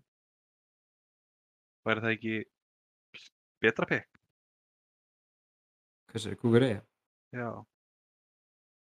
já jú og hérna Tiago Tiago Silva á 5,4 hann er ekki enda múin að skora marka á þessu tímabili ég held að hann ætti alltaf allavega eitt og skallamerk í sér það lítur að vera dætt inn bráðum Þannig að þú ert að skoða Chelsea varnamenn á verðbilinu 5,2 upp í 5,5 fyrir utan að spila Guetta sem er á 4,8 og er með mjög takmarkað mínútur á þessu tímabili. ég get líka að fara bara full on fuck it í þetta og það verður bara ekki með double gaming þessa umferðina Já, já, þú getur alveg gert á þetta að þetta er ekkert sérstaklega sexy double game week, sko. nei, mér finnst það ekki sko Nei, það er um Chelsea Ah, það er alveg dættu hver, hver var að spila á móti Chelsea á City og Fulham þú veist. það er ekkert að fara að segja mér að Chelsea var alltaf reynum til City uh, ólíklega. já, og mér finnst það líka pínu ólíklegt að haldi reynum móti með Fulham Ég er sammála því. Já. Já. mér finnst líklega að Annarkvort ferð á sömu lest og ég og double upp Chelsea fyrir þetta eða þú situr og hlærið að mér þegar þessi double game week er búin og Chelsea skapar. það er annað hver hvað var að hlæja allavega það er, það er staðfest Já, eða við grátum saman. já, uh, Það getur Ég- gert líka, sko. ég er bara að pæla að taka eins og segja, bara að taka Trent og Botman Trent og Botman. Já. Já. yeah. Ég, það var bara það hljóma bara, bara freka vel, sko. veitir hverjum ég spila En Þú ert samt ennþá í vesinni með markmannin, þú veist, ef að Martínez fer ekki að koma. sko. hann er mættur til Englands Já, hann var á bekknum og þeir unnu 2-0. Já. það, það er- það er leiðilegt að vera að skipta markmann þá, sko. nei, nei, Nei, nei. nei, nei, er það nokkuð ég meina þarna Olsen varði eitt skot Já, hann kannski þurfti ekki að gera mikið, en nei, ég held hreinu. vissulega, vissulega Já. en þú, þú bekkir ekki Martínez sko hann, hann gerði það. veist, það er bara því að Martínez bara nýkomin veist. maður har ekki bara að mæta Já, Það veist, þú ert ekki bara að láta eitthvað hvað sem hann heit, Sven Olsen eða eitthvað vera inn á þeim í stæðan fyrir Martínez Mikið Robin Olsen, Já, jú, örgulega ekki að það skipti öllu máli en Nei, já, það, það var Sven Botman, já Já. Örgulega hann Jú, Robin Olsen, já, það er það. Ok, við erum þá þarna búin að fara yfir það sem gerðist. Uh, ég ætla að lesa yfir leikina í næstu umferð og þú ætlar að segja mér hvort liðið vinnur. Ég þarf ekkert að fá markatölu. Nei, ef ekkert að taka hérna uh, gott pick fyrir næstu umferð Jú, við tökum það eftir þetta. Ok. Uh, Brentford Liverpool, Leifbúl Arsenal Newcastle. uh, Arsenal Nei, ég eftir blei Já, ég hefði hendi játeflið hana. Uh, Everton Brighton, uh, Brighton, já, sammála. Leicester Fulham. Fulham, Samála.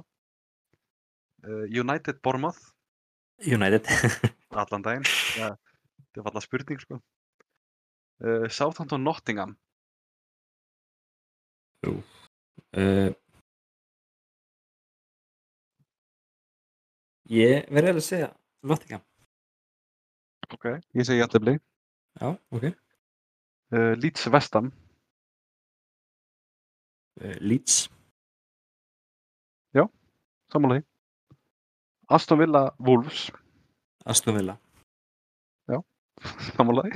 þetta er rosalega auðveld umferð, það er Já. ekki skjá, sko. Giska, þessu Eh, var allt, eða allt villist okkur Já, já, já, eins og alltaf, sko. Uh, Pallas Tottenham, uh, Tottenham, er það? já, já, já, alveg 100% sko. Ég ætla að fara á mótið þér hérna. Já, það er alveg Hérna búið skal að Pallas. Þú eru flengdir með svipu í klefanum á hann sko Ha, Þú eru flengdir með svipu í klefanum eftir leikin á hann já, en þú veist, Pallas átti góðan leik, góðu sigur. Ég ætla, að- ég ætla að gefa þeim þetta, bara þess að vera aðeins á mótið þér hérna í þessu. Ok Uh, Chelsea City, City ég get ekki verið ósamála því. Nei Og síðan Fulham Chelsea, uh, Fulham þú ætlar að segja að Chelsea tapi báðum. Um, já, ah, veistu, nei, byrju. Þeir eru, þeir eru svo góðir en samt svo liðlegir.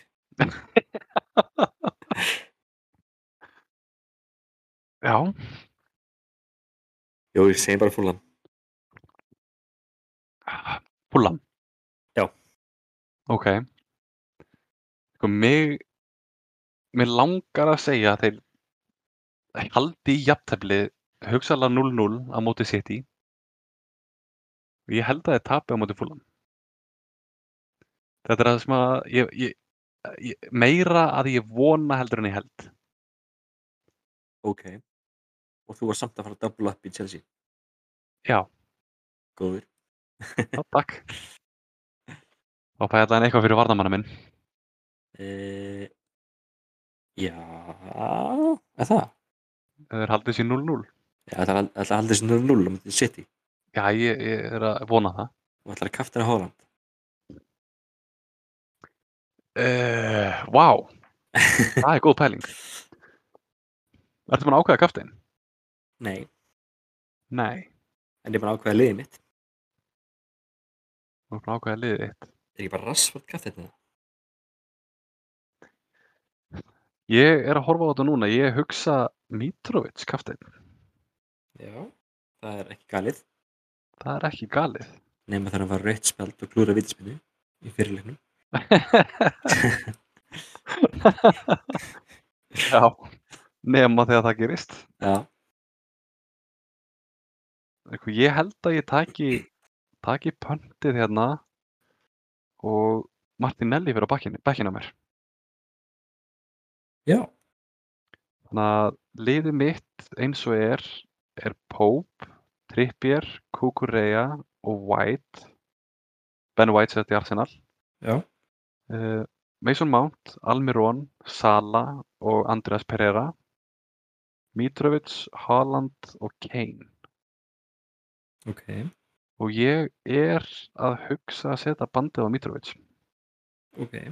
á Leicester og Chelsea hann meiðist pottet bara í í leiknum á, á áttundu mínútu eða eitthvað að þér líka. væri, væri bara fyrir eitthvað líkt honum sko. það er gaman að, að sjá sko hann er með hérna, tíu mörg besta hjá honum í Premier League var 18-19 tíðumbilið, þá var hann 11 mörg þannig að hann Já, er að hann er verða hann er að hann er verða búinn. náttúrulega á kótanum sínum sko. Hann er búinn. Já, þannig að þú veist, eitt marki viðbútt þá getur þú bara telt hann. Æjæjæj. Nei, nei, þetta er allt annað fúlnaflið sem við erum að sjá núna heldur en áður, sko. Já, já. En, hérna, kom þú, þú ert ekki búinn að gera skiptingarnar, þú ert búinn að, Ég er búinn að gera skiptingar ertu búinn að gera þér? og búinn að stilla bliðinu mínu. Ok, hvað það var með liðið þitt? Martínez í markinu. Já. Eh, Gabriel Trippier og Trent í vörðinni. Ok, Eh, Foden, Rashford, Almirón og Martinelli miðinni. Foden, Rashford, Almirón og Martinelli, Já. ok. Eh, Haaland, Kane og Núnes frá mig. Þetta er bara virkilega sterkt lið. Svo erum við með Trossard, Botman og Kastanji á bekknum Já, og Danny Ward.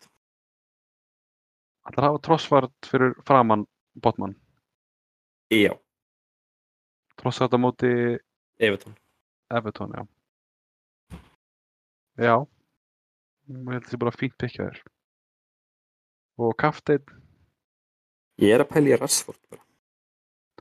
kafteinn að Rashford. Já, mætti Bormað. Bormað. Hverjum, bormað, já. Ef hann sefur ekki yfir sig, þá er það bara fínt Ég pikkja. meina að hann hlýtur að vera búinn að svo þið sig. Þú voru bara að senda hann Skjáttur. veikjarklöku, fara bara á Amazon, kiptu veikjarklöku og senda heim til hans. Hvernig væri það? Hvað er þessi margir búin að gera það? Vonandi nokkrir, það er ekki ekki, að, ekki Vá. saga, sko. Bara Hvað er þessi að fá margir klukkur núna að senda þér í posti? Það er ekki ekki að, Góð tjók. mjög svo.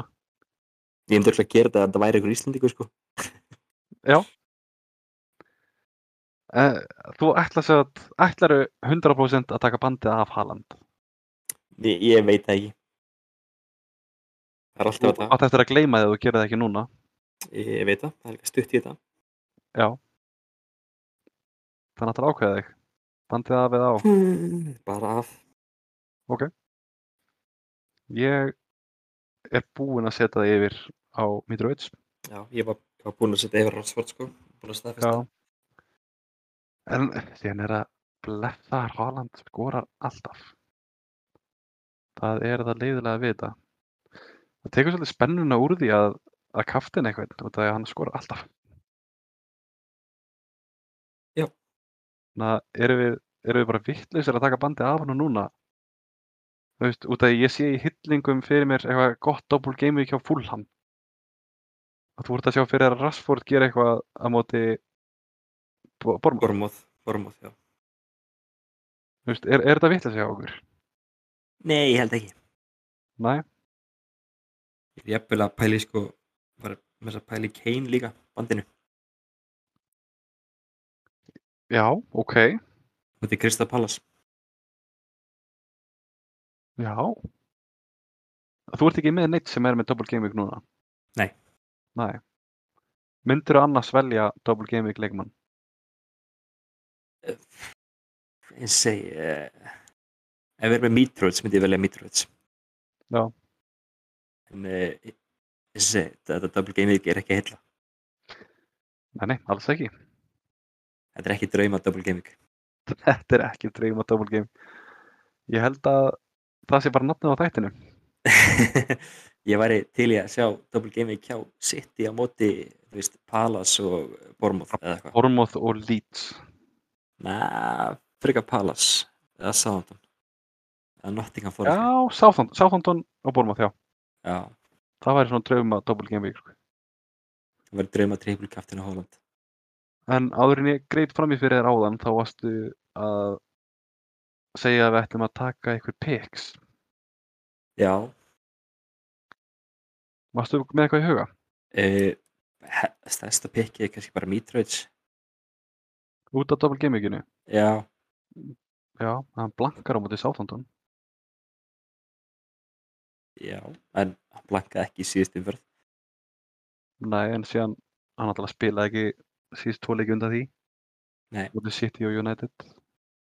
Spilaði 15 mínútur á móti, nei, já, 15 stig á móti Krista Palace. já, hann er það bara mittur hérna, mittist hérna fyrir HM Já, uh, en svo er líka náttúrulega bara uh, gott að undirbúa líka bara næstu umferð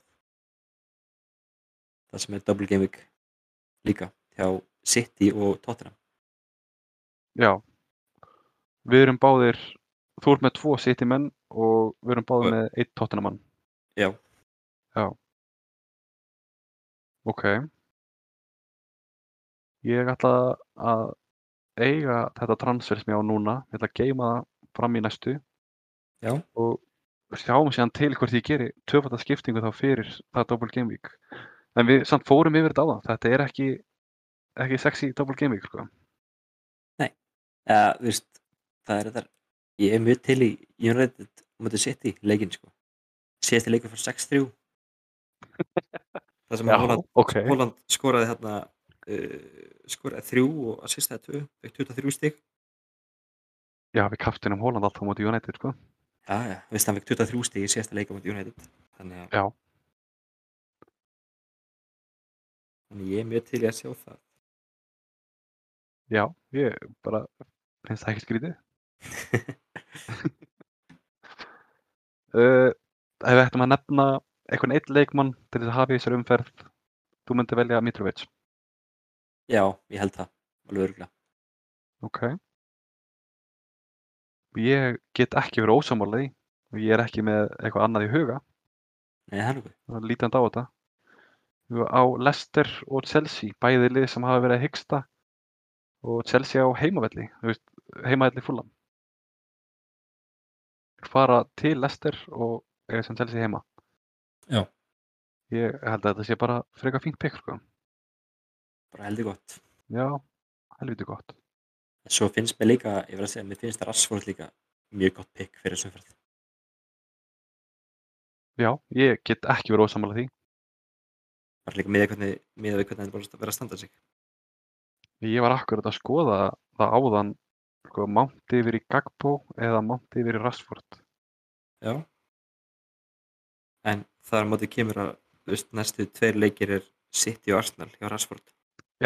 Það var Ég eiginlega myndi- það sem stoppaði með af, sko.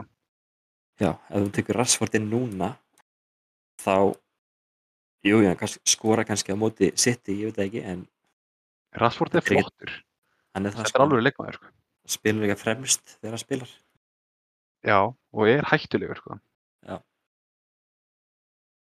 Og Martial er svona, hvað maður segja, aðal mótrinars. Já, og hann er ekki, ekki búin að standa sig, sko. Nei, og svo náttúrulega þessi nýja leika, en nýja ungi, hann að, hvað er hann, Garnaccio? Garnaccio. Já. Já. Hann svolítið íti Rashford bara upp á topp. Já, algjörlega, sko. Herðu, eitt áður en við kveðjum hérna. Já. Ertu Ertu ennþá í byggarnum? Herri, uh, ég mitt ætla að byrja því aðan, ég gliti, ég byrja að tala um að við ættum báðir umvilar uh, Game Week. Já. Uh, svo vorum við að tala um eitthvað annað. Já, Uh, ég datt út núna, ég líka. þú líka, kemur ekki á vort með stíðin okkar.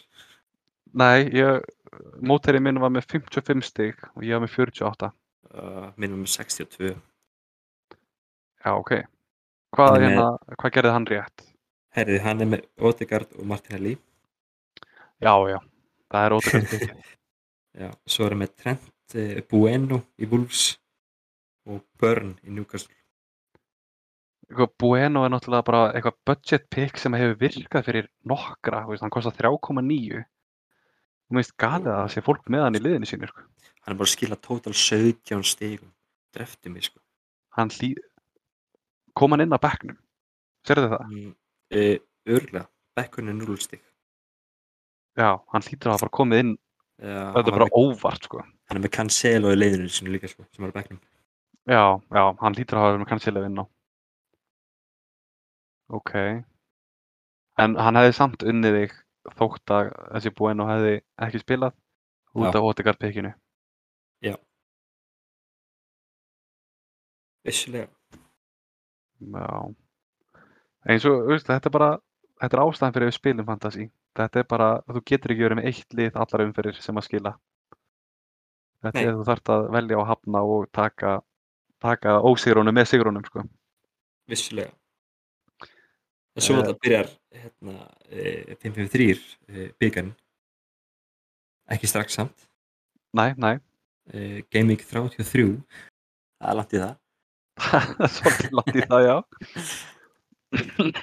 þannig að við eigum alltaf að sinns að vera byggarmestrar Já, já, já, já, já, við verðum bara okkar eigin byggameistrar. við erum bara ekki overall byggarmestrar bara Við búum bara til okkar eigin deild þar sem við erum einn í henni og getum Já. orðið byggameistrar þar, sko. líka tekið bara, bara við tveir Já, nákvæmlega. bara ein umferð Það getur verið skemmtilegt. En við kannski, hérna, hendum í eitthvað draft núna. við getum að byrja drætt núna eða? Ég held við getum byrjað draft bara, uh, það er kannski ofseint að gera það akkurat núna, við getum gert það fyrir næstu umferð. Já. Við, þarna- við pælum í þetta. já, það er sem ekki að hugsa mér, ég er í skóla ég get það ekki Já, þetta er veli. en við erum þá hendur í billið, ekki? Ég held það sko. Þetta er ekki drauma double game week, Nei. en við látum okkur hafa. það. Já, Þarna er ég. þú, þú, ekki ég. Já, Tekið ekki- þátt, ekki tekið þú, þátt í bara þessu. ég. Nei, nei, nei, nei, nákvæmlega. Tekið tekið þátt í svona bulli. En Verðist. við segjum það þá Þetta- bara í bili. Takk fyrir hlustunum og hlustundu kærir. Ég ætla ekki að leifa þér að klára það svo ætlar að segja Nei. þar. Nei, ok. Takk og bless.